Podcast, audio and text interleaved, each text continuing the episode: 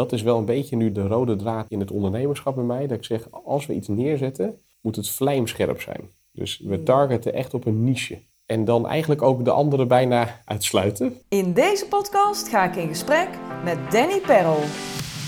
Welkom en goed dat je luistert naar deze podcast volop inspiratie over ondernemen in horeca, leisure en hospitality. Mijn naam is Miriam Ermes. Ik ga in gesprek met ondernemers en managers uit de allerleukste branche over blunders en succesgeheimen. Met waardevolle praktische tips hoe jij de verwachtingen van jouw gasten kunt overtreffen. Dit is jouw inspiratiepodcast. Dit is van blunders tot succesgeheimen. Welkom Danny en uh, dankjewel dat je te gast wil zijn in mijn podcast van blunders tot succesgeheimen. Yes, jij ook uh, bedankt voor de uitnodiging en ja. uh, leuk dat je in Hoendelo bent. Ja, graag gedaan. Want we zitten hier echt op een prachtige plek, midden op de Veluwe. Yes, in, in Hoendelo, Bungalowpark Hoendelo. Dus ja. een beetje de thuisbasis voor mij. Mooi. En voordat we echt van start gaan, zou jij je allereerst even kort kunnen introduceren? Dus wie ben je en wat doe je? Ja, ik ben, ik ben Danny Perrel. Ik ben inmiddels 35. nou, woon in Hoendelo op het Bungalowpark en werk daar ook bedrijf wat, uh, wat ik nu inmiddels uh, iets meer dan tien jaar uh, doe. Van mijn ouders overgenomen. Mijn ouders in 1990 ermee gestart. Samen met mijn oom en tante, alweer een hele tijd terug. En ja, ik ben echt, eigenlijk hier wel echt opgegroeid. Dus ik heb wel een, een, zijstapje gemaakt, maar eigenlijk al vrij snel in het bedrijf gekomen. Oké, dus ook meteen uit, vanuit je opleiding ben je hier van start gaan? Eigenlijk misschien al tijdens je opleiding dat je hier gewoon bent gaan Ja, maar ik was drie toen wij hier kwamen. Oh. Dus dat is, ja, dan, uh, dan maak je eigenlijk nog niet echt wat mee. En mm -hmm. die tijd, zeg maar, dat ik hier kwam, ja, dat is een beetje de tijd dat ik mijn jeugd ook hier startte. En ik ben hier gewoon opgegroeid. En uiteindelijk wel had ik heel erg behoefte om te gaan studeren. Dus ik ben op een gegeven moment weggegaan. en toen naar, naar Groningen gegaan. Mm -hmm. Daar gestudeerd. Wat Facility management. Oh, ja? nooit, misschien wel een grappige anekdote, maar ik wilde dit eigenlijk nooit overnemen. Oh. Maar toch wel heel bijzonder dat je dan precies die studie kiest. Ja, precies. nou ja, achteraf uh, valt het allemaal op zijn plek. Maar even dus gaan studeren. Uiteindelijk in Utrecht mijn afstudeerstage gedaan. Bij een, een groot schoonmaakbedrijf, de Kroon. Mm -hmm. vond ik echt, echt heel leuk. was eigenlijk mijn eerste moment dat ik echt een beetje met het werkende in contact kwam. En dat ik ook wel zag dat ik het echt wel heel inspirerend vond om ook met ondernemers zo te werken. En gewoon heel mooi om dat te zien. Mm -hmm. En uh, uiteindelijk zeiden mijn ouders van, uh, het is voor ons wel een beetje tijd. wij willen wel wat gaan afbouwen. Okay. En toen dacht ik, ja, ik, ik wil eigenlijk niet. En, dat, maar uiteindelijk toch, ja, dat is zeg maar, ik denk zo'n 12, 13 jaar terug. Dus en, en, toen uiteindelijk de keuze gemaakt om hier naartoe te gaan. Nou ja, op de dag van vandaag geen spijt van. Nee. En was je meteen, uh, had je het bedrijf van je ouders overgenomen? Of ben je daar ingerold door bepaalde managersfuncties eerst te krijgen? Of is dat, was het meteen... Ah, nee, nee, het ging heel geleidelijk hoor. Uh, mijn oom en tante uh, zitten nu ook nog in het bedrijf en mijn vader en moeder ook nog. Oké. Okay. allemaal een, een deeltje en, en uiteindelijk neem ik het steeds meer over. en dat hebben we geleidelijk aan, zeg maar zo, in gang gezet een aantal jaren terug. Mijn neef die startte uh, samen met mij. Dat was eigenlijk het idee. Hij het deel van zijn ouders en ik het deel van mijn ouders. We hebben een paar jaar samengewerkt, maar dat boterde niet echt. Mm -hmm. uh, meer omwille van het feit dat je dan merkte, ik jong, hij jong. Mm. Uh, je creëert een bepaalde visie. Ja, dan is het vrij lastig. Wij kenden elkaar ook niet heel goed. Ja. Dat het allemaal in één keer dan maar goed komt. Ja. Nou, dat, dat werd ook niet. En de branche lag hem ook niet heel erg. Dus hij is uitgestapt. En was het logisch dat jij het ging doen? Ja, ja ik was hier echt opgegroeid ook. Ja. Ik merkte, dit is gewoon wel echt ja, mijn bedrijf. Ja. En uiteindelijk dus zelf verder gegaan. En uh, ja, ik, ik had altijd het gevoel, voordat ik hier naartoe kwam, van het bedrijf is af. Dus ja, wat ga ik hier nog doen? Ja. En daarna zag ik natuurlijk mijn ouders altijd werken. Mm -hmm. Dus die twee dingen maakt altijd uh, in mijn hoofd dat ik denk, waarom ga ik dit overnemen? Ik wil dat niet. Ik wil iets voor mezelf doen, uh, iets wat ik helemaal vanaf nul kan opbouwen. Maar goed, op de dag van vandaag weet ik, dit bedrijf is nooit klaar. Nee, ik wou zeggen. En uh, ik vind het maar wat lekker om gewoon eigen baas te zijn en gewoon je eigen tijd in te delen. Niet dat je daardoor rustiger hebt, maar je hebt wel gewoon meteen effect voor je eigen handelen. Dat vind ik gewoon heel mooi. Ja, want als je dan kijkt naar hoe het park was toen jij eigenlijk uh, eindverantwoordelijk was, zeg maar. En hoe het nu is. Wat is er in die tijd veranderd? Nou, ik denk, uh, dan bedoel je eigenlijk de tijd dat ik hier kwam of de tijd dat mijn ouders hier kwamen? Nee, dat jij hier kwam. Dus dat jij het eigenlijk van je ouders hebt overgenomen. Wat in jouw tijd is gebeurd. Ja, nou, ik, ik merkte toen ik hier startte. Um, kijk, mijn referentie was natuurlijk wat mijn ouders altijd hebben gedaan. Dat heb ik altijd gezien als voorbeeld. Mhm. En dat was gewoon vooral heel hard werken in de operatie. Uh, die hebben gewoon echt een, het bedrijf opgepoetst. Dat was ook hard nodig, want zij kochten het in 1990 in vervallen staat. Uh, en ze hebben gewoon echt heel hard moeten werken om het gewoon eigen tijds te maken. En dat ieder jaar een stukje bij beetje dat voor elkaar weten te krijgen. Een inbreiding nog gedaan, ze hebben woningen gebouwd. Dus zij waren heel erg in het bedrijf bezig. Mm -hmm. Dat heb ik ook overgenomen. Ik was ook heel erg bezig. Ik ben ook gestart in de, in de onderhoudsdienst, in de facilitaire tak. Dat is je opleiding. Dat is mijn opleiding ook. En ik merkte dat, dat van daaraf aan eigenlijk ik steeds meer ging overnemen. En ook steeds meer een bepaalde visie op dingen kreeg. Dat, dat ontstond op een of andere manier. Heel organisch eigenlijk. Oké, okay, mooi. Waarbij uh, ik op een gegeven moment, ja, het is ook heel organisch gegaan, op een gegeven moment ging merken van, ja, uh, uh, hoe ziet morgen eruit? Mm -hmm. Zeg maar, hè? en hoe ziet overmorgen eruit? En dat ik me ook wel wat, nou ja, zorgen niet, maar dat ik wel ging nadenken van, ja, weet je, als we dit blijven doen op deze manier, is dat denk ik niet een houdbare situatie. Uh, dus zo is dat eigenlijk een beetje ontstaan dat je in een andere rol komt. Ik, ik, ik kan eigenlijk niet een moment aanwijzen. Nee. Het is gewoon ontstaan. En op een gegeven moment zit je er en het is niet zo dat, dat ik dan de manager in één keer ben. Nee, zoiets ontstaat en je Ja. neemt meer taken dan over. En, uh, En hoe keken de medewerkers ernaar dat jij uh, hier kwam in plaats van jouw ouders? poeh, dat is best een tijd terug. Maar uh, ja, nou, eigenlijk, uh, als ik er nu weer zo over nadenk, volgens mij is op een gegeven moment het hele team wel ververst. Ja. Ging ook heel organisch.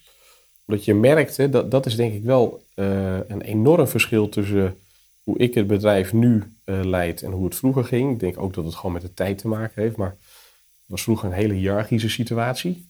Hè, de, gewoon echt afdelingen met uh, nou ja, de familie aan het hoofd. Ja. Um, zo zit ik gewoon ook persoonlijk niet in elkaar. Dus dat, uh, uh, dat ging al vrij snel wel anders. Uh, waarbij ik eigenlijk het heel prettig vind om met een team het te doen. Ja. En ook het team verantwoordelijkheid te geven. En ieders eigen specialisme misschien. Ja. Krachten ja. uit mensen halen. Ja, en uiteindelijk ontstaat daar dan ook een bepaalde passie uit. Daar komen we straks misschien nog wel op. Maar ik merk dat, dat het daar wel is ontstaan dat ik eigenlijk toen merkte van... hé, hey, ik, ik wil met een team werken. Ik wil dat het team ook verantwoordelijkheden uh, heeft. En, en dat vind ik ook dan wel van belang dat je ze pakt. Nou, en dat is wel het moment geweest dat een aantal afvielen volgens mij.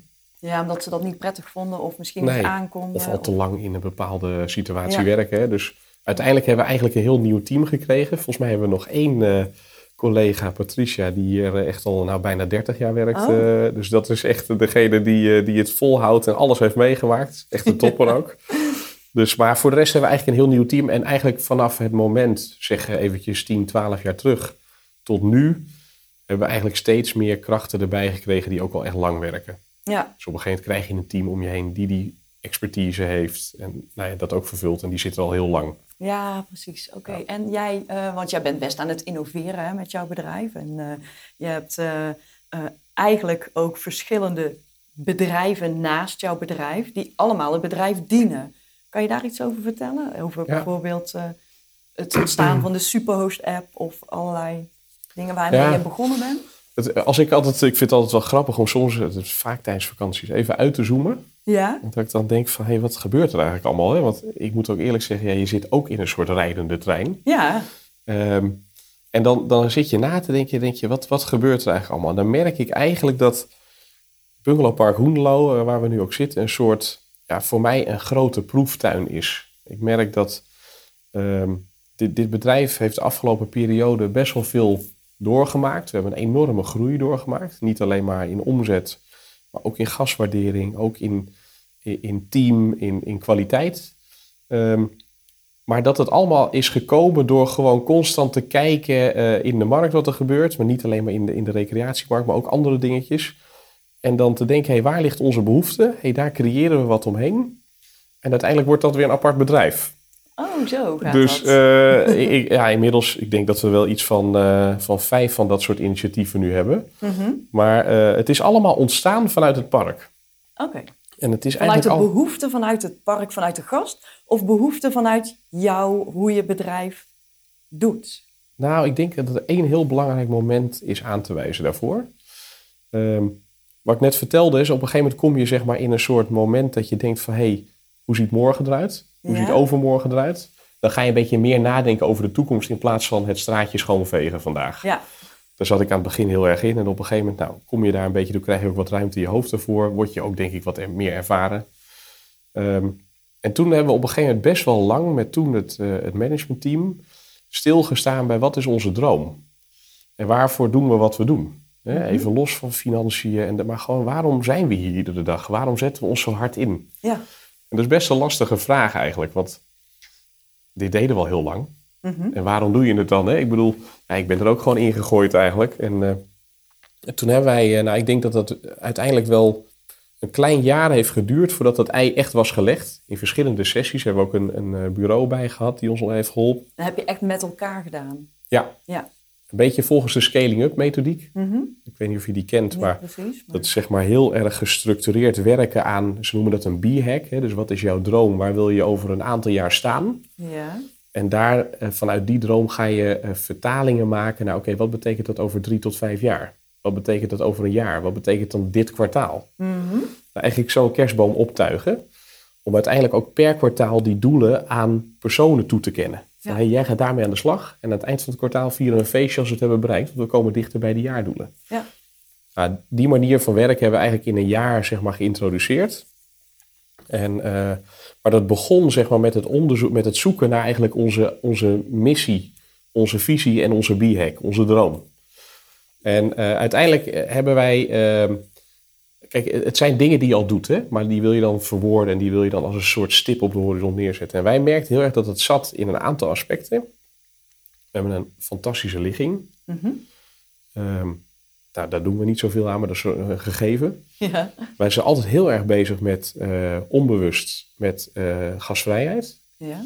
We vinden gewoon eh, als, als gasten terugkomen het ontzettend bijzonder. Mhm. En daar doen we onbewust altijd een stapje extra voor. Mhm. Zetten we iets klaar, gaan we even langs. Eh, dat, dat zat gewoon in het systeem. We zien ook heel veel herhalingsbezoek. Eh, dus dat gegeven maakte zeg maar dat we zeiden, daar zit wat. Hè? Dat, dat gasvrijheid, dat, de, die connectie leggen, het familiaire, Mhm. eh, toch wel heel erg het drive hebben. Dat zijn een aantal dingen die, die wij denk ik wel heel erg bij Bungalow Park Hoemelo vonden passen. En uiteindelijk is daar uitgekomen dat we zeggen, ja, onze missie is eigenlijk vrienden maken door een onvergetelijke ervaring te bezorgen. En daar zit Mooi. heel veel in. Ja. Eh, en dat, dat hebben wij gedaan na- aan de hand van de Why, How, What van Ja. Simon Sinek. hè. Die, eh, Ja. die geeft dat heel mooi aan. En wat is jouw overtuiging, de why? Uiteindelijk eventjes samengevat, vrienden maken door een onvergetelijke ervaring te bezorgen. Mooie missie. Ja, en daar zit eigenlijk in exact wat wij eigenlijk ook heel erg mooi vinden, namelijk een connectie leggen met gasten. Ja. Het is echt niet zo dat we hier gaan knuffelen met al onze gasten. Zeker niet in, eh, in coronatijd. Maar het is wel zo dat wij proberen door contact te leggen een, een, een binding aan te gaan met onze gast. Ja. En dat moet bij iedere gast op een andere manier. Mhm. En dat vind ik gewoon ook heel zelf persoonlijk heel fascinerend hoe dat gaat. Mhm. Je kan door middel van een gesprek een soort connectie met elkaar aangaan. Ehm, en dat, dat kan soms zo sterk zijn dat al het andere ondergeschikt wordt. Ehm, ja, en dat vonden wij eigenlijk zo een draai, eh, drijfsfeer bij ons in de, in de organisatie. Dat we zeiden, ja, dat is wel iets waar wij echt warm van worden. En waar we eigenlijk ook een kapstokje van willen maken. Ja. Toen zeiden we, ja, wat is dan eigenlijk die droom? Nou, wij zeiden, wij willen in 2030 het meest gastvriendelijke vakantiepark van Nederland zijn. Nou, dat is best ambitieus. Zeker als zo'n klein parkje als wij zijn. Mhm. Maar goed, je moet hem ambitieus insteken. ja, zeker. En hoe meet je hem? Dat is ook nog belangrijk. Ja, en, eh, eh, maar we, we waren er wel van overtuigd, dit is iets wat we ook kunnen redden. We moeten wel keihard werken, maar we kunnen dit. En dat is eigenlijk het startschot geweest van eh, een, een, een hele nieuwe bungalowpark Hoendelo eigenlijk wel. Mhm. En daar zitten we nog steeds in, midden in die transitie, met heel veel uitstapjes. En is- er is, wat dat er gaat ook heel veel gebeurd wat misschien juist weer als contra staat op die missie. Oké. Maar daardoor juist wel weer sterker geworden, omdat we eigenlijk wel weer terugkomen. Zoals bijvoorbeeld? Nou, we hebben vorig jaar wel een uitstapje gemaakt met heel veel campings in één keer. Ja. Toen merken we, eh, het is allemaal heel snel gaan. We hadden op een gegeven moment zeven locaties van, van eh, Glamp Outdoor Camp. Een, Ja. een glamping concept, Ja. wat we eigenlijk in de corona hebben gelanceerd.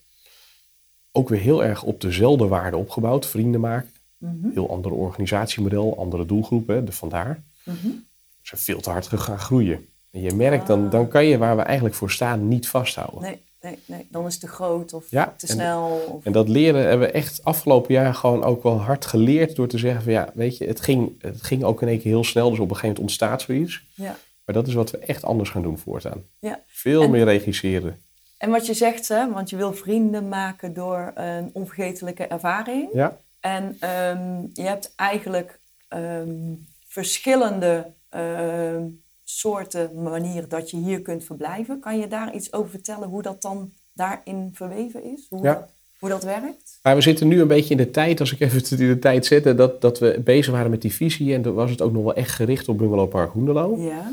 Ehm, daarna zijn eigenlijk alle andere initiatieven gekomen. Maar dat kapstokje was wel de start Ja, ja. eigenlijk Ja. Hè, van, van een soort nieuw, een nieuwe fase. Ja. We hebben eigenlijk toen bij alles gezegd wat we wilden gaan doen, draagt dit bij aan vrienden maken. Mhm. Dat is wel grappig als je dat bij iedere ook investeringsbeslissing vraagt. Van maken we je vrienden mee? Ja. Hè, dan ga je bijvoorbeeld ook anders aankijken tegen borg. Of hè, maak je daar vrienden mee? Of dan ga je ook anders aankijken ja. tegen... Snap je? Dus sommige processen ga je dan ook onder de loep nemen. En denk je, ja, dit klopt gewoon niet. Nee. Ehm, nou, dat hebben we dus ook wel echt met een bureau gedaan. Hè? Maar uiteindelijk ga je een heel proces door. Nou, en ik, wij merkten toen op een gegeven moment dat we zeiden van... ja, oké, vrienden maken gaat gewoon een stuk makkelijker... als je één op één relaties legt. Mhm. Het is gewoon een feit dat als jij vaker met één persoon contact hebt... dat je daar sneller een band mee hebt... dan dat je verschillende mensen spreekt... en dat het maar één keer tijdens een verblijf met één persoon is. Ja, ja. Als jij eh, eh, zes keer met Patricia praat... Ja. ken je Patricia beter dan het maar één keer is. Ja, Zo simpel zo is het. werkt het. Ja.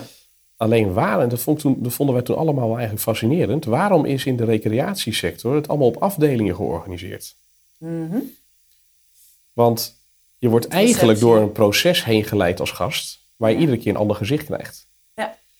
Als je het even vanuit de gast redeneert, die wil gewoon geholpen worden. Mhm. Dus die meldt wat aan de balie. Even, iets voor, eh, even een eh, standaard procesje door te hebben. Die meldt iets aan de balie. Diegene neemt het aan. Storing, klacht. Die geeft het door aan een andere afdeling en de andere afdeling komt. Ja. Maar vanuit onze filosofie dachten we, ja, hoe kunnen we nou voor zorgen dat dat één persoon is? Want dat maakt, denk ik, dat er, dat er een band ontstaat. Mhm. Nou, dat was eigenlijk de eerste stap dat we gingen nadenken over het organisatiemodel bij ons. Over, over de structuur. We hadden destijds nog gewoon een organogram zoals je die allemaal kent. Mhm. Boven directie, afdelingen, op iedere afdeling een, een eh, management eh, en daaronder gewoon de uitvoerende teams. Ja. Ehm, maar toen gingen we nadenken van ja, hoe, hoe kunnen we er nou voor zorgen dat je die band creëert, dat altijd dezelfde persoon eigenlijk bij, eh, bij één proces betrokken is. En toen hebben we eigenlijk best wel rigoureus alle functies overboord gegooid. En toen zijn we eigenlijk gaan werken met één nieuwe functie, die heet de Veluwe-ambassadeur. Mooi. En ehm, je was eigenlijk verantwoordelijk voor eh, de shift die je draaide, maar wel Mhm. voor alle afdelingen die eronder hingen. Was het een soort duty dan? Of zo? Ja, zo kan je het eigenlijk wel zien. Ja. Dus er kwam iemand aan de balie, maar je liep ook mee. Ja. Dus er waren meerdere mensen aan de balie. Eigenlijk was de balie bijna meer een soort van eh, eh, huiskamer, snap je, waar de ambassadeurs waren. Ja. Maar uiteindelijk was dat het startpunt waar je iedereen kon ontvangen, waar je een praatje kon maken. Eh, maar we zagen dat die waardering opliep. Aan twee kanten. Dat vond ik heel fascinerend. De gast was blijer. En de medewerker. Ja. Maar de gast was blij omdat de medewerker een stapje harder loopt. Want het is gewoon een feit. Kijk, als jij als receptionist een klacht aanneemt en die speel je door, ben jij hem kwijt. Ja, dan ben je er vanaf. Ja. ja het zal wel. En onbewust, Ja. ook al doe je het hartstikke goed en vind je je vak leuk, is Ja. dat zo. Ja. Totdat je hem zelf helemaal van A tot Z moet oplossen. Dan zorg je er echt voor dat je misschien ook wel even een half uurtje langer blijft om het op te lossen. Mhm. Omdat die gast jou spreekt. Ja. En dat heeft ons denk ik heel veel gebracht. Ook, ook qua informatie, qua kennis, maar ook gewoon in, in de waardering. Je merkte op een gegeven moment dat we toen een boost kregen zeg maar, van... hé, hey, hier zit gewoon muziek in, dit moeten we verder voortzetten. Nou, toen zijn we... eh, dat is ook wel een beetje aard van het beestje, moet ik heel eerlijk bekennen. Maar dan ga ik me heel erg verdiepen in die materie. Mhm. En dan, dan uh, na iedere vakantie of vrije tijd zit ik in boeken. En dat vind ik gewoon heel mooi om dan te kijken, hoe kan je een organisatie nou neerzetten op dat principe? Ja. Nou, toen zijn we uh, volgens de principes van Holacracy gaan werken. Ja. Volledig zelfsturend. En hebben we onze hele organisatie eigenlijk in rollen verdeeld. Oh. Uh, en dat kwam allemaal voort eigenlijk uit die missie. Want we zeiden, we willen vrienden maken. We willen één op één relaties aangaan. Als je dat wil, kan je niet meer met seizoenskrachten werken. Nee. Je moet het hele jaar door hetzelfde team werken. Ja. Nou, dat kan eigenlijk niet. Dat kan niet, nee. Want je hebt ook pieken. Ja, maar het kan dus wel. Oh. Want uiteindelijk zijn we gaan kijken, niet op basis van functie, maar op competentie van hey, wie zou nou welke rollen kunnen vervullen. En rollen zijn anders dan functies, rollen zijn eigenlijk veel kleiner. Dus bijvoorbeeld het verzenden van een nieuwsbrief is een rol, terwijl dat normaal tot de functie marketing behoort. Ja. En die rol verzenden nieuwsbrief kan door iemand anders worden opgepakt door social media. Mhm. Dus je krijgt, we hadden op, uh, op een gegeven moment, uh, ik denk wel, uh, wel 120 rollen in het bedrijf. Allemaal kleine, Ja. en sommige mensen hadden wel 20 rollen. Mhm. Um, maar dat hebben we toen in het leven geroepen omdat in de zomer hebben wij een focus op andere rollen dan in de winter. Ja. En als we nou ervoor kunnen zorgen dat ons bedrijf in de winter omdraait Mhm. en juist de rollen belangrijk stelt die in de winter kunnen worden gedaan, zoals onderhoud, uh, ja. investeringen doen, dingen weer beter maken. Dan kan je dat dezelfde mensen laten Ja, En hoe doe je dat dan met piekbelasting in de zomer? Als je echt je heel je park vol zit? ja, ja, we hebben een aantal van die momenten en dan werken we echt nog wel met uitzendkrachten, maar dat is echt op één hand te tellen. Oké. En je merkt bijvoorbeeld, hè, we, we hebben een kok bij ons in dienst, uh, um, die, uh, die kan heel goed koken, maar die kan ook heel goed plannen en organiseren. Dus in de winter gaat hij juist op dat stuk heel erg zitten. Mhm. Dus de rol juist onderhoud plannen. Uh, en in de zomer is hij juist weer bezig om gasten culinair te verrassen. Oh, ja. Het prikkelt ook zijn uh, werk, hè. ik vind Ja. het ook mooi. Maar je merkt ook dat je gewoon een heel sterk team wordt daardoor.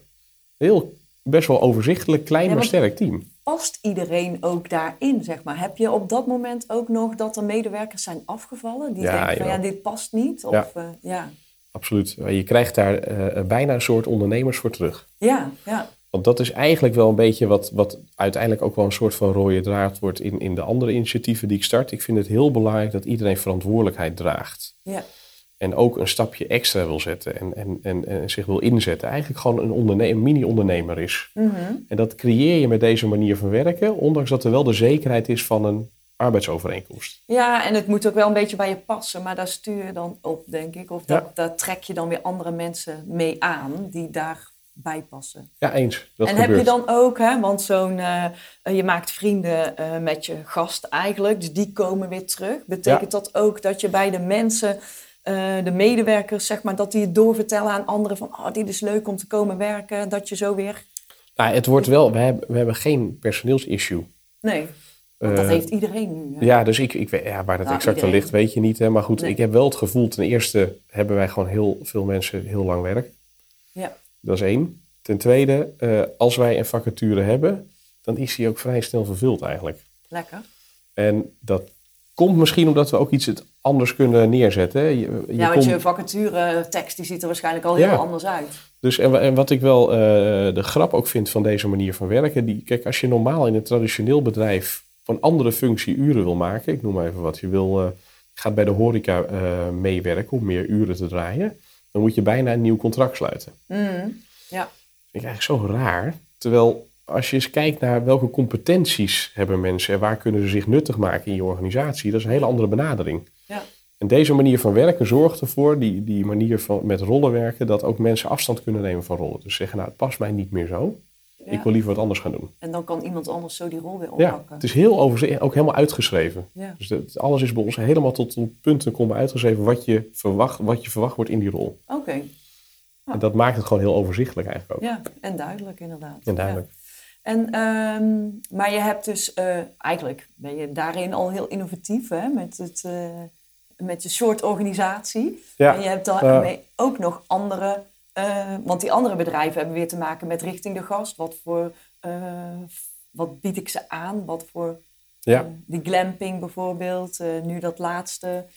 Ja, wat hoe, ja, misschien om de reis nog even af te maken. Wat ik, Ja? Uiteindelijk komt het denk ik best wel een beetje op zijn plek waarom zeg maar, nieuwe initiatieven komen. Ja, Uiteindelijk merkte met, met het organisatiemodel dat door, doordat je anders gaat organiseren, je dus je gastbeoordeling kan beïnvloeden. Je Mhm. kan gewoon betere kwaliteit leveren door het net even anders te doen.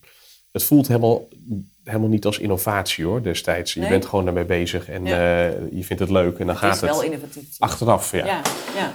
Ehm, maar uiteindelijk eh, merkten wij, hey, vrienden maken, eh, hebben we enerzijds gekofferd intern door ons anders te gaan organiseren. Eigenlijk te organiseren rondom de gast in plaats van rondom processen. Mhm. Zo voelde dat echt. Toen merkten wij van de, heel erg de behoefte, kijk, als wij vrienden willen maken, moeten we eigenlijk onze gast beter leren kennen. Mhm. Eh, en dat was eigenlijk een tweede uitstapje. Wij kunnen onze gasten pas verrassen als we ze leren kennen. Ja. En ik vind het nog steeds fascinerend. Wij hebben een vak waar mensen zelfs bij je slapen. Ja. Dat is best uniek. Mhm. Eh, we zijn geen schoenenwinkel. Nee. Dus mensen slapen bij ons, die kunnen we vrij goed leren kennen. Ze doen eigenlijk alles hier. Ja. Alleen wij vragen bij de reservering heel weinig. We Mhm. vragen alleen maar... eh, Naam. Ja, e-mailadres. Ja. En, eh, en als ze hier zijn, vragen we eigenlijk ook niet meer dan van... zenden we informatie over wat ze hier kunnen doen. Ja, veel plezier. Heeft een fijn verblijf gehad. Het is allemaal heel erg zenden ook van dit kan je hier doen. En eh, Ja, ja. toen dachten wij, waarom gaan we niet eens in gesprek met gasten? Mhm. En gaan we onze processen wat meer loslaten? En toen kwam ik in contact met hostmanship, een bepaalde filosofie over gastheerschap. Dat ook niet iedere gast behoefte heeft aan hetzelfde. Dat vind ik altijd wel heel typerend bij de incheck. Je kan, als je 80 incheck hebt, 80 keer hetzelfde vertellen. Maar je kan ook voelen wat een gast wil. Mhm. De drie en kinderen op de achterbank, die wil gewoon snel naar de woning. Ja, ja. Die wil het verhaaltje niet, maar die vindt het wel heel tof als je straks even langskomt om het alsnog uit te leggen. Ja, precies. Ja, die wil eerst rust. Ja, Ja. maar dat moet je als medewerker kunnen, Mhm. om, dat, hè, om dat te voelen. Maar je moet ook als bedrijf dat stimuleren. Ja. Nou, die twee dingen vond ik ook wel heel fascinerend. Dus wat hebben we gedaan? We hebben een tool ontwikkeld. En toen kwam eigenlijk het digitale, eh, eerste digitale component, eh, het vakantieadvies. Ja, Waar wij mensen voorafgaand aan het verblijf negen vragen gingen stellen. oké. En dat ging, heel, het ging gewoon digitaal, dus ze kregen een, eh, een linkje toegestuurd, uniek. En konden ze een aantal vragen beantwoorden en kregen wij een soort profiel terug. En wat voor soort vragen waren dat dan? Hou je van wandelen? En dan konden ze een soort slider doen. Hè? Van Mhm. eh, hoeveel eh, hou je van fietsen? Wat voor eten vind je eh, lekker? Eh, Ja, we gewoon- of- ja, allemaal dat soort dingen. Ja. Echt persoonlijke vragen. Ja. En wat ze van ons dan terugkregen is een gratis advies. Oké. Dus wat ze kunnen doen in de omgeving. Het was een A4'tje met gewoon de top 5. Dit past bij jou. Ja. Nou, we hadden segmenten gemaakt. We hadden uiteindelijk zes segmenten, zes adviezen. En, ehm, maar het mooie was, we kregen profielen terug. Toen dachten we, hoe mooi zou het zijn als wij binnen onze organisatie mensen, ambassadeurs, eh, ook matchen op die profielen. Ja. Want als je dezelfde interesses hebt, ja, dat is wel ontstaat er lekker. vriendschap. Ja, zeker. Ja. Nou, en toen kwam eigenlijk het, het ambassadeurstuk, hoe we dat ook in andere concepten eigenlijk nu doen, is dat wij profielen aan elkaar matchen. Dus als je van natuur houdt, kom je bij die collega uit die ook van natuur houdt. En is die jouw gastheer, gastvrouw tijdens jouw verblijf? Mm. Ehm, en dat gaat digitaal, maar we proberen het ook fysiek tijdens het verblijf een keertje te laten En heb je dan een soort chatfunctie? Of Ja. heb je dan van, eh, zij is er van zo tot zo laat als je vragen wil stellen? In de Of- mail is het geautomatiseerd. Ja? Er staat de persoon eronder geautomatiseerd. Ja? Eh, maar al het contact wat fysiek plaatsvindt, proberen we zo te sturen dat het ook die persoon is. En als dat niet kan, dan zeggen hé, hey, die is er even niet vandaag. Ja. Neem het even van je over. Maar zij wordt altijd op de hoogte gehouden. Oké. Nou, dat maakt ook een start aan een CRM-systeem, wat voor ons van belang werd. Hè. En Maar, hoeveel eh, gasten heb je dan, zeg maar, als medewerker een beetje? ja, we, we hadden, eh, wij noemen dat vrienden. Vrienden zijn pas als mensen terugkomen Ja. bij ons. Dat, vind, dat is eigenlijk onze grootste KPI. Oké, dus dat Herhaalbezoek. Herhaalbezoek, ja. Eh, en we proberen in, in, bij een ambassadeur ongeveer 200 vrienden in, in de vriendenkring te hebben. Ja. En dat zijn mensen die dus terugkomen. En die mailen zij ook actief. Oh. Dus uiteindelijk worden zij ook een soort salespersoon, Mhm. ambassadeur, om die mensen zeg maar ook terug te laten komen. Dus zij delen nieuws, eh, over Ja. de natuur, als ze daarvan houden. En dus heel erg vanuit interesse eigenlijk, juist dingen delen met elkaar, Ja. waar het helemaal niet meer over de woning gaat. Nee. Maar uiteindelijk werd het linkje natuurlijk wel vaak gemaakt. Hey, dan kan je bij Bungalow Park Hoenlo weer verblijven. Dat vond ik wel heel fascinerend, dat je merkt, hey, door digitale systemen Ja. kan je eigenlijk je proces heel anders gaan inrichten, terwijl de gast het eigenlijk niet ervaart. En kan je veel gastvrijer zijn? Kan je veel, ja, veel gasvrijer zijn. Dat, dat was eigenlijk de start van het vakantieadvies. Uiteindelijk is dat een, een tool geworden die ook bij verschillende bedrijven is gaan eh, draaien. Bij Van der Valk, eh, Oh ja? bij Bilderberg. Oké. Ehm, En we merkten dat die tool eigenlijk wel een soort grondlegger voor ons was. Wij hadden hem hier gewoon nodig, maar wilden hem ook doorontwikkelen. Vandaar Ja. dat je gaat zoeken ook naar hey, En jij hebt ook een aandeel in dat bedrijf. Ja, dat is gewoon... Ja, Dat is jouw bedrijf. Klopt, ja. Ja. En uiteindelijk eh, is, dat, eh, eh, ehm, is dat een tool op zich geworden, maar gebru- gebruiken we het nog altijd als bungalowpark. Mhm. En dat was eigenlijk wel een beetje de start dat ik digitaal eh, zag van, hey, dat is wel, enerzijds vind ik dat heel fascinerend, anderzijds merk ik ook dat de branche gewoon nog echt wel achterloopt op dat vlak. Ja. Ehm, en merkten we eigenlijk ook alweer vrij snel, als je iedere keer dat kapstokje eh, voor je houdt van, hey, eh, vrienden maken, dat je dan ja, oneindig veel mogelijkheden hebt. Ja. En, en zo ontstond al vrij snel weer een tweede tool, Superhost. Ehm, en ja, uiteindelijk zijn we vandaar zeg maar steeds verder gaan ontwikkelen. Maar Mhm. iedere keer vanuit het kapstokje. Om die vrienden te maken. Ja, En voor dat herhaalbezoek. Ja. Ja. en dat vond ik gewoon heel fascinerend. Uiteindelijk heeft dat er ook voor gezorgd afgelopen jaar. Dat, eh eh, nee, dat is alweer twee jaar terug, mede door corona ingegeven, dat we een camping eh, zijn geopend eh, ja. eh, hiernaast.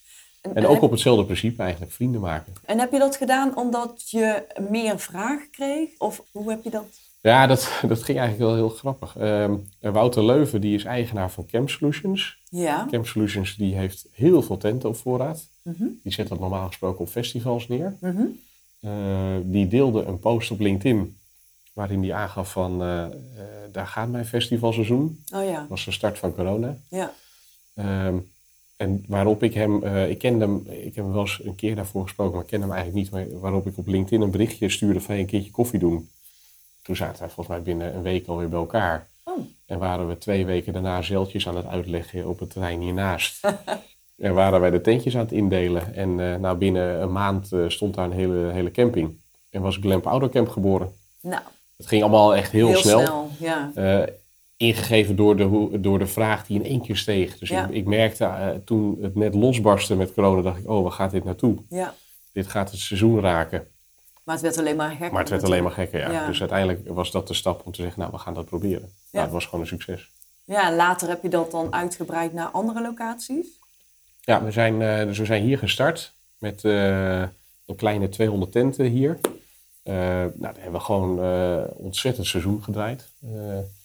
Ook alweer heel grappig dat je merkt achteraf, we hebben dat eigenlijk op dezelfde identiteit gebouwd als hier. Mhm. Vrienden maken, maar voor een hele andere doelgroep. Dat zijn meer de jongeren, meer de festivalgangers. Ja. Eh, en daar hadden we eigenlijk ook alweer toch wel achteraf een afwijkend organisatiemodel model neergezet. We hadden eigenlijk daar maar één functie. Camp Oh. Crew. Oh ja. Die maakt schoon, die doet eh, eh, technische klusjes, de incheck, gastenservice, daar hadden we een app voor gemaakt.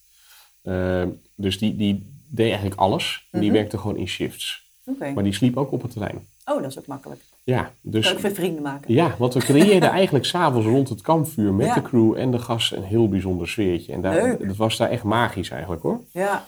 Ehm, en dat was gewoon een succes. Dus eigenlijk ja, daarna zeiden we, Wouter en ik tegen elkaar, wat gaan we doen? Toen zeiden we, ja, we gaan het gewoon proberen. Naar de ene naar de andere locatie kwam.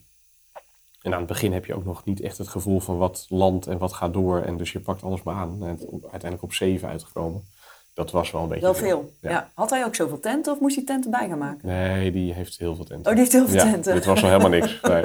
Oh, oh joh. Nee, volgens mij 5000 of zo. En eh, Oh. ik denk dat op onze locaties, wat zal het zijn? Ik denk dat er eh, 800 hebben gestaan. Oh. Dus eh Hm. het was nog helemaal niks. Maar Nee. nu wordt het weer afgeschaald. Alles is weg. Oké. Dus alle tenten zijn inmiddels van de locaties af. We zijn nu aan het beraden hoe wij verder gaan met, uh, met het Lemp Oude Camp. Ehm, kan zo zijn dat wij één jaartje overslaan. Mhm. Ehm, en dat we eigenlijk terugkomen met misschien wel een ander concept.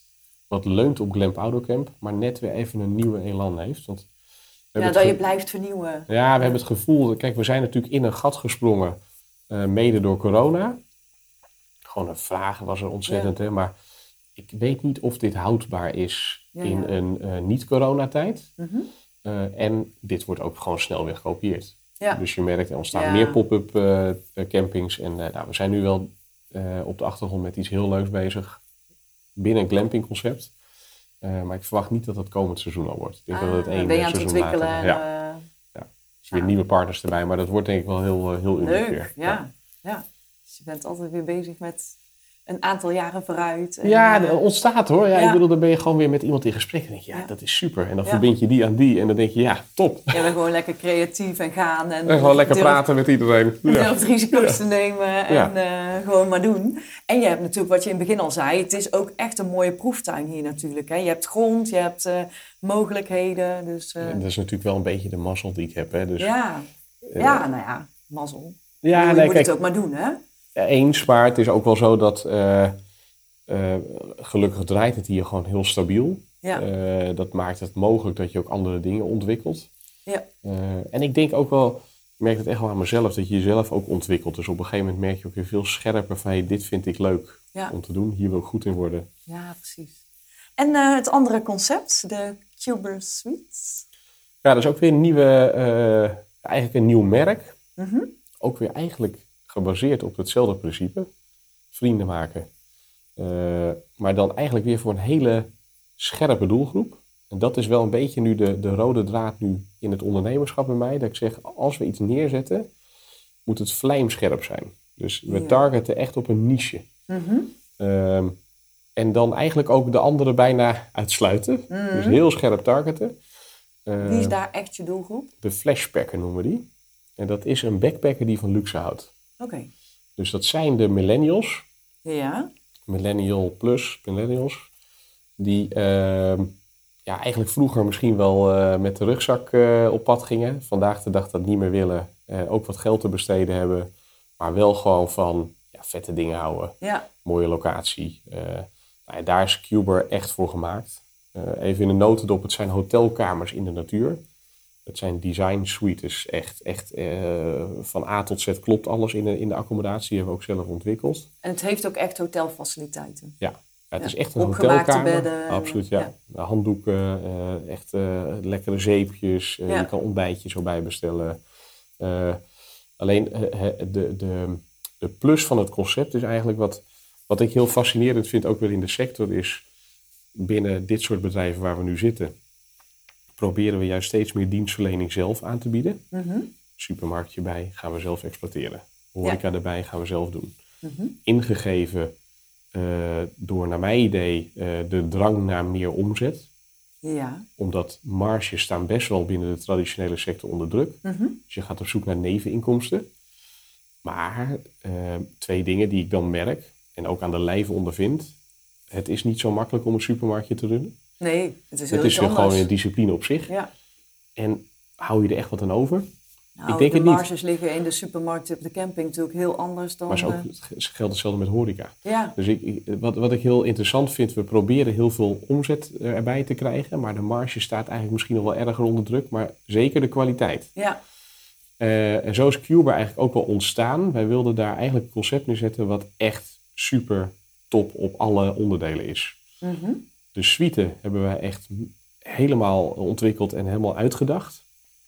Eh, wat daarin is, is echt helemaal design, eh, domotica. Dus je bedient alles met, eh, met onze app, verlichting, blinds. Oh, alles gaat digitaal. Je doet de deur open ook met, met, met de app.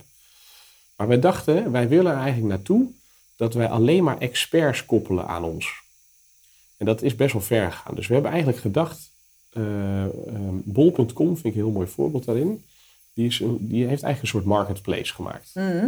En zij zijn gewoon een platform. Ja. En die koppelen eigenlijk winkels eraan.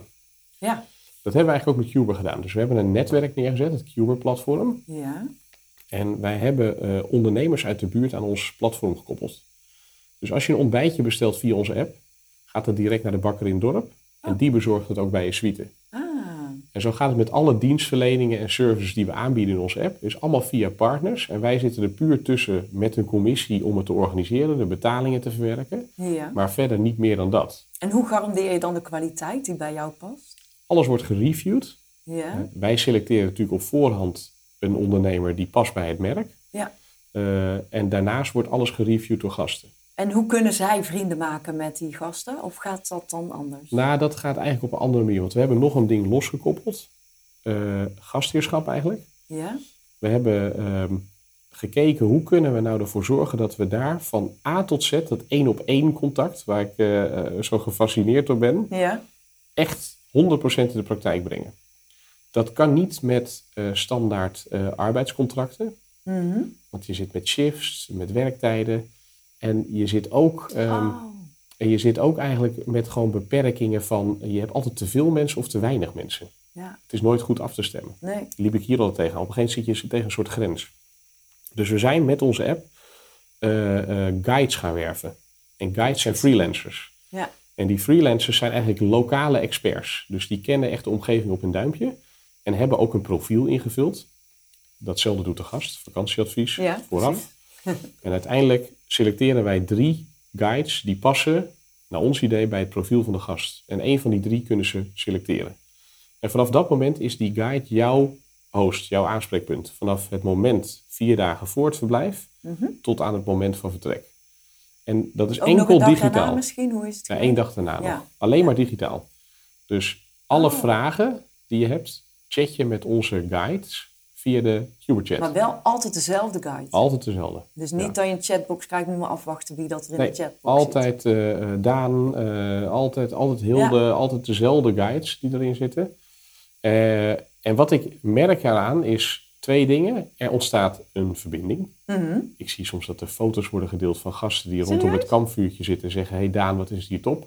Oh, wat Hebben we gaaf. elkaar nog nooit gezien. Ja. We hebben alleen met elkaar gechat. Ja, maar dat is ook wel een bepaalde doelgroep die ook digitaal absoluut. goed... eh, Die, ja. vindt het, die vindt het juist fijner om te chatten in plaats van te bellen Ja. of iemand fysiek te zien. Ja, Dus daar hebben, daarom zeg ik ook, het is heel scherp getarget. ja, ja. Eh, alleen, ehm, wat ik ook van de andere kant merk, is dat Daan dus ook een stapje extra doet als hij merkt van, hé, dat is ik leuk. moet iets doen of eh, het gaat niet helemaal lekker. Of, Ja. Ze kunnen altijd terugvallen op Cuber, dus onze back-office. Dus die kunnen ze altijd betrekken in chats. Maar zij zijn aan zet. En Mm. eh, nou ja, zij worden ook weer gereviewd door de gast. En zo maken we een selectie van de beste guides. Leuk. Dus we hebben daar eigenlijk een soort ecosysteem gecreëerd. Ehm, van 25 suites op een plek, met guides, met services die heel lokaal zijn. En dat is eigenlijk Cuber geworden, gewoon een nieuw merk. eh, waar we de komende eh, jaren ieder jaar een nieuwe locatie gaan openen. Ieder jaar een nieuwe locatie. Oké, dus dan heb je elke keer een nieuwe eh, gebied. Want Ja. het is lokaal, hè? Ja, het zijn... ze, ze blijven ook hier. Hè? Dus het is niet zo dat het reist. Het is een Oh. vast, eh, dus we breiden gewoon uit. Ah, Ieder oké. Dus komt er hier blijven ze bij. ook. Ja. Ja. ja, en dan komt er elke keer een locatie bij. Maar daar heb je een hele andere omgeving die je dan weer met andere hosts, zeg maar, of guides. Ja. Dus. En dat maakt dit model zo sterk. Je kan Leuk. heel snel in een gebied opschalen. ja. Omdat wij doen vrij weinig zelf. Wij faciliteren. En we zetten de locatie neer en werven de partners eromheen. Maar wat ik me nu afvraag, hè, want je hebt traditionele eh bungalowparkgast, die eigenlijk al langer gewend is om in Nederland naar een bungalowpark te gaan. Die Ja. oudere gast van Bungalowpark Hoenderloo. Dan heb je de gasten van de glamping die daar Ja. eh, tussendoor zijn gefietst. En dan heb je nu de Cubasuites. Hoe borg je het imago van Bungalowpark Hoenderloo, zeg maar? Dus hoe komt die gast nou ook bij jou terecht en die andere ook? Ja, eh, Je voor hebt de echt gast. heel veel gasten. Ja, maar voor de gast zijn het allemaal aparte bedrijven. Ja, en aparte precies. merken. Ah, Dus zij zien de verbinding niet. nee. Eh, en eh, qua structuur aan de achterkant zit er één moederbedrijf waar, eh waar back-office in wordt georganiseerd. Waar Maar onze niet bij dezelfde receptie, want die Nee. hebben zij niet. Nee, En- nee, het is allemaal ja. apart. Alles is eigenlijk Ja, apart. ja. Maar het is, was wel zo, natuurlijk de campings werden, eh, hier zat wel het reserveringsteam deze zomer. Ja, Dus eh, uiteindelijk aan de achterkant wordt het bedrijf groter en sterker. ja. Binnen de merken natuurlijk ook. Maar onze back-office, dat, dat vindt plaats vanuit dit park, vanuit eh, het hoofdgebouw hier. Ja, ja, ja. Oh, heel interessant. Echt leuk. Ja, zo zijn we iedere keer dingetjes aan het, eh, aan het bijpluggen Ja, eigenlijk. en bijpluggen, ja. ja, maar voor jouw mensen is het ook wel, degene die mee willen innoveren, is het ook gewoon, het- je staat nooit stil. Ik bedoel, er is altijd wel weer iets anders. eh, Ja. En nieuwe vrienden. Ja, Dus dat Ja. is wel, eh, Ja, als je dat zijn- leuk vindt, dan... iedere, we zijn nu echt weer druk bezig. Er is weer een nieuw concept in de maak. Dus die, die gaat waarschijnlijk eind volgend jaar live. Eh, kan je er iets over zeggen? tipje van de sluier is dat wij zien, nou misschien eigenlijk eh, een beetje de strekking van het concept. Waarom eh, eh, moet ik als ouder, als ik op vakantie ga, op een plastic bankje zitten en slechte koffie drinken terwijl mijn kinderen het leuk hebben? Dat kan toch ook anders? Ja, dat kan ook anders. Ik heb toch ook vakantie, zou je ja, zeggen? precies. Ja. Nou, en daar denk ik dat wij een concept nu voor in de maak hebben, wat daar perfect op gaat aansluiten, wat er nog niet is in de markt. Ehm, wat we ook weer echt als een brand neer willen zetten. Dus hetzelfde als Cuber. Dus eigenlijk, Maar dan eh, voor families. En dan voor families, ja. Leuk. Eind volgend jaar verwacht ik, eh, ik verwacht binnen een paar maanden daar wel wat meer over. Maar dan gaan we Eind volgend jaar, dus, dus na de zomer. Na de zomer, daar gaan we echt ontwikkelen. Ja, ja. Ja. Oh, ik hou het in de gaten. Ja, leuk. hey, en ehm, dat was een eh, mooie introductie. Sorry. nee hoor, ik het helemaal niet, want ik vind het echt heel interessant. Ehm, het is nu 2026, stel je voor. Hoe kijk jij dan terug op de afgelopen vijf jaar? Ja, dat is een hele lastige, denk ik. Ehm, nou, ik, ik denk dat ehm, op het moment zelf, zeg maar, eh, dat merk ik ook wel bij mijn team, he- hebben heel veel mensen wel eens het gevoel, waar gaan we naartoe? Ja. Dat, en dan komt nou, net een beetje de weg geschetst. Mhm. Iedere keer ontstaat er wel weer iets en dan eh, bewandel je dat pad. Eh, maar als je dan weer uitzoomt, dan denk je, wow, hè, er zit wel degelijk een rode draad in wat we doen namelijk. Er zit Mhm. altijd een digitaal component in, gasvrijheid vinden we mooi. Dus ik denk gewoon wat we doen, dat we dat eh, verder gaan voortzetten. En waar ik gewoon heel blij van word, is heel scherp niche doelgroepen targeten en daar echt een concept omheen maken waar alles gewoon klopt. Ja. En dus ik denk dat er nog wel een paar bij komen. Wou zeggen, dus je hebt de proeftuin uitgebreid dan met Ja. concepten. Misschien ook wel andere concepten losgelaten die misschien weer... Ja, eens, ja. Dus ik denk dat het gewoon eigenlijk een ongoing process is. En eh, dat ik dat graag met mijn team verder de komende jaren wil uitbouwen. Ja, Met, eh, nou ja, eh, hopelijk de basis in Hoendelo. maar ook wel op andere plekken steeds meer terug laten komen. Misschien ook wel Benelux. Ja, want wat ik ook zie is, want dit is eigenlijk een steady centrum, of in ieder geval een, Ja. een steady basis. En dan ga je van daaruit steeds naar verschillende plekken, wat past bij die doelgroep, bij dat Ja. merk. En nou, als je dan zegt naar de Benelux, dan... eh, Ja, maar het kan zo zijn, en ik, dat vind ik heel moeilijk in tijd te zetten, maar het kan zo zijn dat er op een gegeven moment natuurlijk op den duur een keer een andere basis komt. ja, Dus ik, ik, ik sluit niet uit, zeg maar, eh, eh, dat je, door de doorontwikkeling, eh dat er op een gegeven moment, nou, Cuba wordt dermate groot, dat dat juist weer de basis wordt en Bungalow Park Hoenlo erbij. ja, Dus ik denk dat het gewoon in beweging is en de markt uiteindelijk bepaalt. Ja, ja en jij wij bent heel wendbaar in. volgens mij. ja, zo is onze organisatie. Dus als wij Ja. kansen zien, gaan we daarop eh, op inspelen. Ja. Ons team heeft alle disciplines en daar kunnen we gewoon snel een concept voor maken. Ja, ja, ja. En dan ben je niet bang voor wat er komen gaat of weet ik wat. Maar je ziet Ja. het eerder als kans. En Ja. eh, toch een andere manier eh, van Ja. ondernemen. En ehm, eh, jij zegt, je bent digitaal ver met je gastprofielen. Maar hoe probeer je elke dag toch weer die verwachting van die gasten overtreffen? En steeds van die verschillende gasten. Ja, ik vind het, hostmanship is wel, ik, ik weet niet of je het kent, maar hostmanship is een bepaalde mindset eigenlijk. Een, een filosofie. Ja, het hostmanship is, een, eh, is een, een methodiek, zeg maar, hoe eigenlijk je gastheerschap in de praktijk brengt. En ehm, dat, is, dat is echt een instituut, zeg maar, die dat ook aanbiedt, hostmanship. Dat zijn echt trainingen. Mhm. Nou, daar zijn wij, eh, ben ik mee in contact gekomen, dat ik vond het heel fascinerend hoe zij er tegenaan keken. Ehm, en wat ik nou eigenlijk heel erg merk bij ons, hè, eh, eh, als je de guest journey ziet, Mhm. is dat eigenlijk ehm, nou ja, de dalen, maar ook de pieken eh, blijven gasten bij. Dus Ja. wat daartussenin zit, ja, is een beetje Ja. een soort grijze massa. Ja, dat, dat, dat moet gewoon goed zijn. Ja. Als een woning, die moet gewoon schoon zijn. Ik bedoel, als je daar, Mhm. daar kan je alleen maar eigenlijk fouten mee maken. Ja, ik wil zeggen, dat is echt een dissatisfier als het Ja. niet goed is. Maar daar word je niet heel blij van als het wel goed Nee. is. Maar het is best moeilijk om die pieken te creëren in een product, zeg maar, wat eigenlijk al eh, ja, bulk is. Hè? Ja, Dus, eh, ja. ehm, en ik, ik merkte eigenlijk, ja, waar we eigenlijk mee kunnen pieken, is gascontact. Hm. Het zijn juist hele kleine dingen vaak die het verschil maken. En dat is eigenlijk ook alweer een uitstapje geweest die we hebben gemaakt. We hadden toen de visie neergezet, vrienden maken. Ehm, en wat mij toen heel erg bij stond, is dat we hadden heel veel mensen, hè, die bellen dan, die willen reserveren of eh, je spreekt ze aan de balie. En die zeggen allemaal best wel waardevolle dingen, maar tussen neus en lippen door. Bijvoorbeeld, hé, hey, mijn eh, vrouw is morgen jarig. ja. Of ik kom hier dit weekendje omdat wij zoveel jaar getrouwd zijn.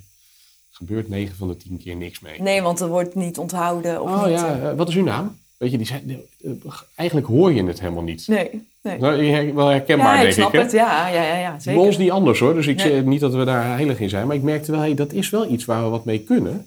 Want ehm, dat verwachten gasten niet. Nee, zeker niet. Nee. Dus wij zijn op een gegeven moment gaan nadenken, hoe kunnen we dit nou stimuleren dat daar wat mee wordt gedaan?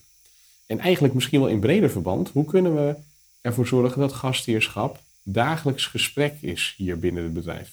Ja. Nou, toen zijn we eigenlijk gaan eh, werken en uiteindelijk heet dat, eh, is dat Superhost geworden, ook weer een nieuw bedrijf. Eh, zijn we een app gaan maken voor eigenlijk ons bedrijf, waarin wij dit soort momenten konden gaan vastleggen. Ja. Want vaak ontbrak het eraan, waar zet je het in? In de memo van de boeking, maar ja, dan moet maar net iemand anders dat weer op dat zien. moment zien. Ja. Dus we hebben een app gemaakt, Superhost, en daar kon je, we noemden dat kansen, kan je kansen in vastleggen. Ehm, en we dachten, als je dit nou ook nog een beetje een soort spel maakt, dan is dit gesprek van de dag. Dus we hebben Superhost in het leven geroepen en als je kansen opmerkte of zag, kon je die aanmaken en kreeg je daar punten voor. Hmm. En als je die kansen dan weer op ging pakken, kreeg je ook punten Als medewerker. als medewerker. En daar had de gast eigenlijk helemaal niks mee te maken met die app. Het is puur een medewerkersapplicatie. Ja, maar het werd wel gestimuleerd om... Het werd wel eh, gestimuleerd en we hadden per kwartaal stelden we doelen. Dus we zeiden we willen zoveel punten halen dit kwartaal. En aan het eind van het kwartaal werd de superhost bokaal uitgereikt. Ah. Ehm, en eh, eh, nou ja, die, die, dat, dat heeft ervoor gezorgd dat dit soort momenten in één keer een soort item werden, kansen werden. En dat we ook terugzagen in de reviews letterlijk van nou wat vet dat we waren verrast met een flesje wijn. Of wat aardig dat eh, mijn zoontje was gisteren gevallen, dat daar eh, iets klaar staat. Eh, allemaal de superkleine Ja, dingetjes. dat zijn eigenlijk altijd de dingen, of je hebt iets te vieren, of er is Ja. verdriet, of er is iets gebeurd waar je het verschil kan maken. Ja.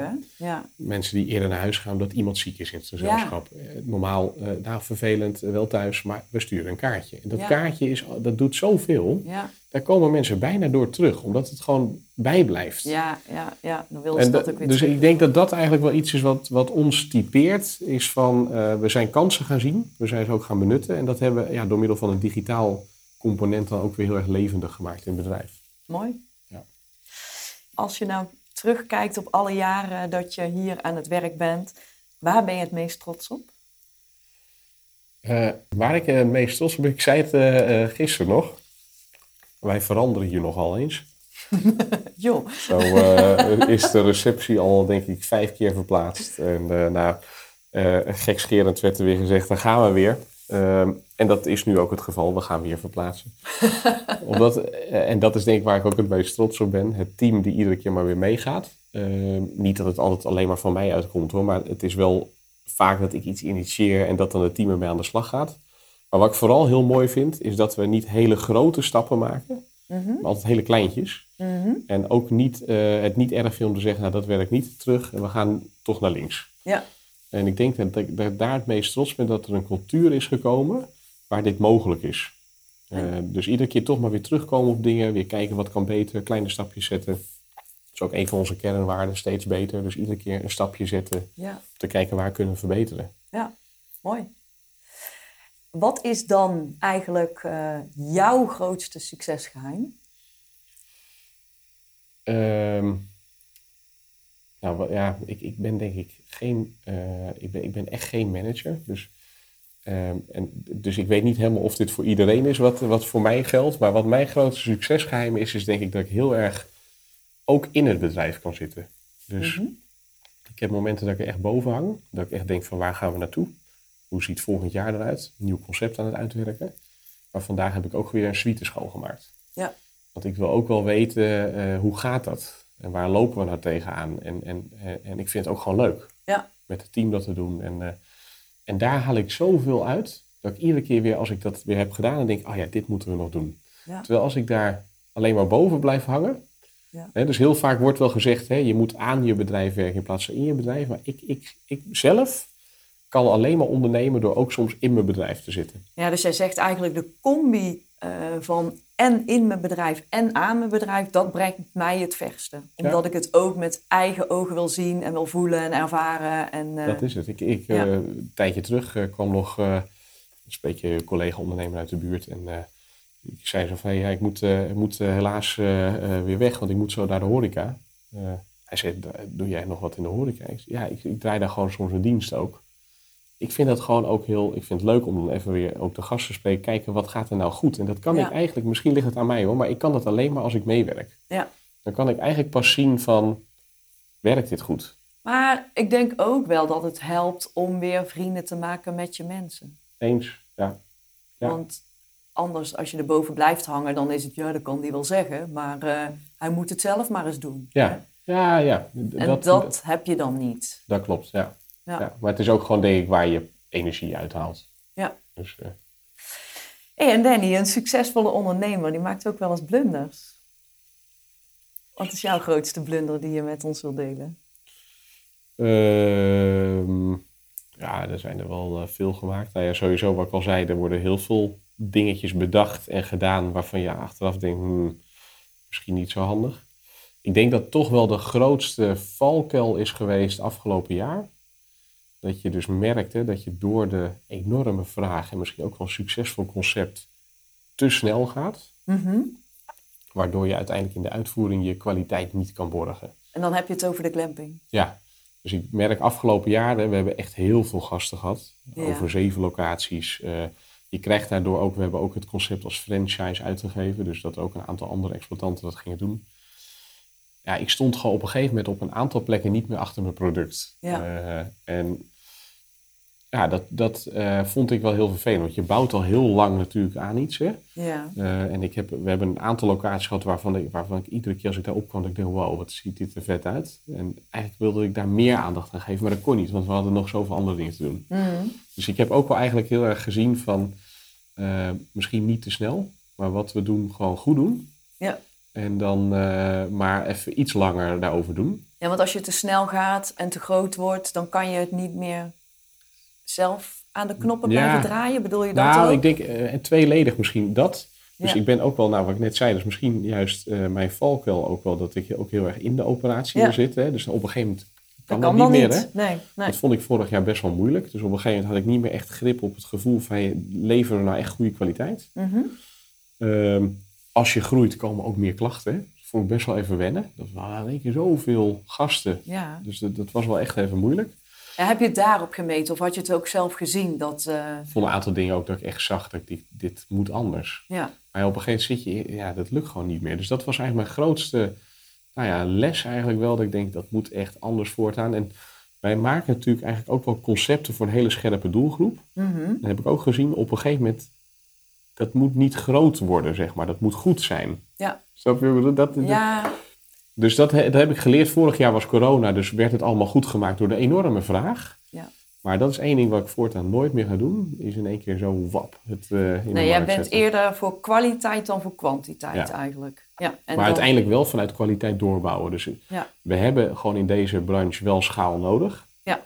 Maar schaal kan je ook creëren door nou, wat wij nu doen. Meerdere dingen neerzetten en op de achterkant een stevige organisatie bouwen. Ja, dat je toch op bepaalde manier grip hebt en Ja. dat je het niet helemaal loslaat. En, eh, En het maakt natuurlijk ook wel je bedrijf heel stabiel. Hè? Ik bedoel, Ja. als eh, die eh, campingsector het slecht heeft vanwege het weer, draait in ieder geval dat bedrijf nog wel door. door. Ja. Ja. Maar dat heb ik wel geleerd eigenlijk. En als je het inderdaad of franchised of te snel loslaat, dan kan je ook je eigen missie natuurlijk niet meer borgen daar. Wij hebben één ding gezegd, ik ga nooit meer franchisen. Oh, je gaat nooit meer franchisen Nee. zelfs? We gaan het altijd zelf doen. Oké. Ja. En dan om je eigen missie. Ja, omdat Te- daar zijn we eigenlijk goed in. Ja. Dus wij, ik denk waar wij sterk in zijn, is een concept bouwen, maar het ook maken en neerzetten en het draaien. Ik Ja. bedoel, je hebt heel vaak dat, dat dat twee bedrijven zijn. Hè? Iemand die een concept neerzet en die vervolgens iemand die het gaat exploiteren. Ja, jij doet gewoon. Ja, wij zijn dat, dat één en, en dat maakt dat je tot in de puntjes het kan doen eigenlijk. Ja, en je kan ook bijstellen Ja. en eh, verbeteren. Ja. Dus dat, dat is denk ik eh, wat ik heb geleerd afgelopen jaar. Ja, en wat misschien ook nog, ik weet niet of dat eh, op het moment dat jij het gaat ontwikkelen of bedenken om het zelf te exporteren, dan vind je nog andere dingen belangrijker dan wanneer de ander dat gaat doen. Want dan denk je van, hé, je moet wel hier rekening mee houden. Het is niet de korte termijn, maar juist, Juist. de lange termijn. Ja, ja. Dat is echt een andere insteek hoor. En daarom hebben we ook bijvoorbeeld, eh, vind ik ook wel iets wat ik echt heb, heb meegekregen de afgelopen periode. Wat ik toch altijd wel bijzonder vind in de branche. Hè. Wij doen het hier zelf ook. is dat er woningen worden verkocht. Mhm. Dus je hebt op dit park particuliere eigenaren. Ja. We hebben woningen zelf, maar we hebben ook eigenaren die een woning hebben gekocht. En die verhuren jullie. En die verhuren wij weer. Ja, Ehm, dat, ehm, daardoor heb je eigenlijk twee klanten, twee gasten. ja, je hebt je gast die hier komt verblijven en je hebt je, je, je eigen. En zeker als je dat ja. gaat vermengen in een ontwikkeling of een conceptcreatie, kan je eigenlijk niet je 100% focussen op de eindgebruiker. Nee. Want degene die bijvoorbeeld dat ding wil kopen, heeft andere behoeftes dan degene die er alleen slaapt. En dat heb ik eigenlijk ook wel heel stellig voor mezelf neergezet. Als wij een scherp concept in de markt willen zetten, moet dat op een andere manier gefinancierd worden. Dus kan dat niet door middel van, hoe ze dat noemen, uitponding. Mhm. Maar moet je echt gewoon kijken naar, kan je het in één hand houden? Is er een investeerder of meerdere? Dat je geen tegenstelde belangen hebt. Ja, want dan kan je eigenlijk pas een succesvol concept neerzetten Ja. van A tot Z. Maar dat heb je ook dus geleerd door eigen ervaring. Ja, Ja. Nou, mooi. Mooie blunder ook. Nou ja, blunder. Maar in ieder geval een goede les ook die Ja, je gaandeweg hebt eh, geleerd. Wie is jouw grote voorbeeld? Eh, ja, dat zijn er best wel, eh, best wel een aantal. Hoor. Ik, ik, vind, ehm, even, ik vind het heel fascinerend hoe de hele grote ondernemers eh, van deze wereld eh, het voor elkaar boksen. Als je eventjes eh, heel, heel groot denkt aan, aan Tesla, eh, weet je, dat ik denk van hoe krijg je het in godsnaam voor elkaar? Mhm. Dat je een hele nieuwe markt eigenlijk creëert. Mhm. Dat vind ik echt bijzonder. En dat ook door gewoon keihard te werken, dus eh, eh, ook gewoon realiseert. Ja, vind ik geniaal. Ehm, maar ik vind ook, ehm, eh, de- ja, ik, ik vind eigenlijk heel veel mensen, eigenlijk eh, ook heel veel relaties of heel veel mede-ondernemers echt fascinerend gewoon hoe ze een aantal dingen altijd oppakken. Ik ga eigenlijk heel vaak op bezoek. En kom Bij heel anderen. vaak, ja. En niet, eh, eh, maar gewoon puur uit interesse. Dat ik ook Ja. gewoon soms rond aan loop en denk, wow, wat hebben die dit goed voor elkaar. Ja. Je leert er altijd weer iets van. Dus ik heb niet zozeer dat ik zeg, daar eh, vind ik... eh, ik vind bijvoorbeeld eh, Brian Robertson, die dat eh Holacracy heeft bedacht, Ja. Ook weer heel fascinerend. Hoe kan je een methodiek bedenken die haak staat op hiërarchisch werken, maar wat gewoon klopt? Ja. Dat is toch eh, Ja. natuurlijk bijzonder. Maar wel ook eigenlijk ehm, door wat jij ook hebt gedaan. eh, van hoe, als ik dit wil bereiken, dan moet ik dit anders gaan organiseren. Ja, Toch? Dat, ja. Daar gaat het eigenlijk om. ja hè? dus het gaat Dat je eigenlijk... naar een ander doel kijkt in plaats van kortere. Nou, en ik denk dat dat eigenlijk ook wel de start is, zeg maar. Hè? Ehm, eh, en dat vind ik ook bij heel veel andere ondernemers die dat op die manier doen ook wel heel erg mooi. Dat je eerst zegt van oké, waar wil je naartoe? En dan, dan is bijvoorbeeld een, een wijziging van de organisatiestructuur een middel om daar te komen. Juist, ja. Het moet niet het doel op zich zijn, want ja, dan ga je het nooit redden. Nee, nee. Dus dat, ja. dat hogere doel heb je gewoon. Dat, die Ja. missie, dat is En die die proberen stip. vast te houden. Ja, dat is belangrijk, ja. En eh, de allerlaatste vraag. Met wat je nu weet, wat zou je dan vijf jaar geleden als advies aan jezelf hebben gegeven? Ehm, sneller buiten de hekken van Bungalow Park Hoendelo ondernemen. Maar goed, dat is makkelijk gezegd dan gedaan. Op een gegeven moment ontstaat dat ook. Je komt met mensen in contact. eh, je, je durft misschien zelf wat meer. eh. Ja. Maar dat, dat, als ik dat nu eh, even terugspoel, dan denk ik, daardoor wordt ook dit bedrijf zoveel sterker. Ja, Als je enkel binnen je eigen hekken blijft eh, ondernemen, Mhm. ehm, en terwijl hier ook nog duizend dingen zijn te doen. Hè? Dus ik zeg niet dat dit af is, maar het is juist goed om, eh, naar mijn idee, ook erbuiten eh te ondernemen, groei te realiseren. ja, Ehm, en ja, dat, dat is denk ik eh, de belangrijkste. mooi. Ja, die, die kun je ook pas weten als je terugkijkt, want je had er van tevoren niet Nee, kunnen. misschien ook nooit verwacht. Nee, nou dat is helemaal mooi. Dan Ja. ben je sowieso open ingegaan en, eh, Ja. en inderdaad dat het ontstaat. Ja, wie weet waar het eh, Eindigt. heen gaat. Ja. Ja, maar je hebt wel meer lef nu om naar buiten te kijken, omdat je vertrouwen hebt dat het goed gaat, of dat je er beter van wordt, of dat je er veel van leert. En eh, ja, al word je er financieel misschien niet beter op, dan heb je weer een ander leerpunt. Of, Ja, en dat is denk ik ook wel altijd een, iets wat ik onbewust aan mezelf altijd merk. Ik doe het nooit financieel gedreven. nee, Weet je, eh, dat komt altijd. En Ja. dus ook misschien ook makkelijk praten als, het, als er al een basis is. Hè? ja, Maar het is wel zo dat als dat de doelstelling iedere keer is, ja, dan lijkt mij het ondernemen ook gewoon niet leuk. niet hoor. leuk, nee. nee. Dus eh, Mooi. Eh, nou, tenslotte nog een paar stellingen. Het liefst zo kort mogelijk antwoorden. Nooit meer doen. koken of nooit meer uit eten? nooit meer koken. Voor of na corona? Na corona, On- of offline ontmoetingen? offline. Eh, Instagram of Clubhouse? Instagram, Vlees of vega? vlees, Eh, Starbucks of Douwe Egberts? Starbucks, iPads of menukaart? iPad, Netflix of Chefflix? Netflix, En ochtendmens of avondmens? ochtendmens. Dankjewel Danny voor jouw uh, mooie gesprek. Ja, bedankt. Bedankt voor het luisteren naar deze podcast. Ben je geïnspireerd en vind je het een waardevolle podcast? Deel deze dan op je social media kanalen en vergeet mij niet te taggen. Ben je ook zo nieuwsgierig naar de volgende aflevering en wil je niets missen? Abonneer je dan op deze podcast. Wil je meer informatie over horeca, leisure en hospitality?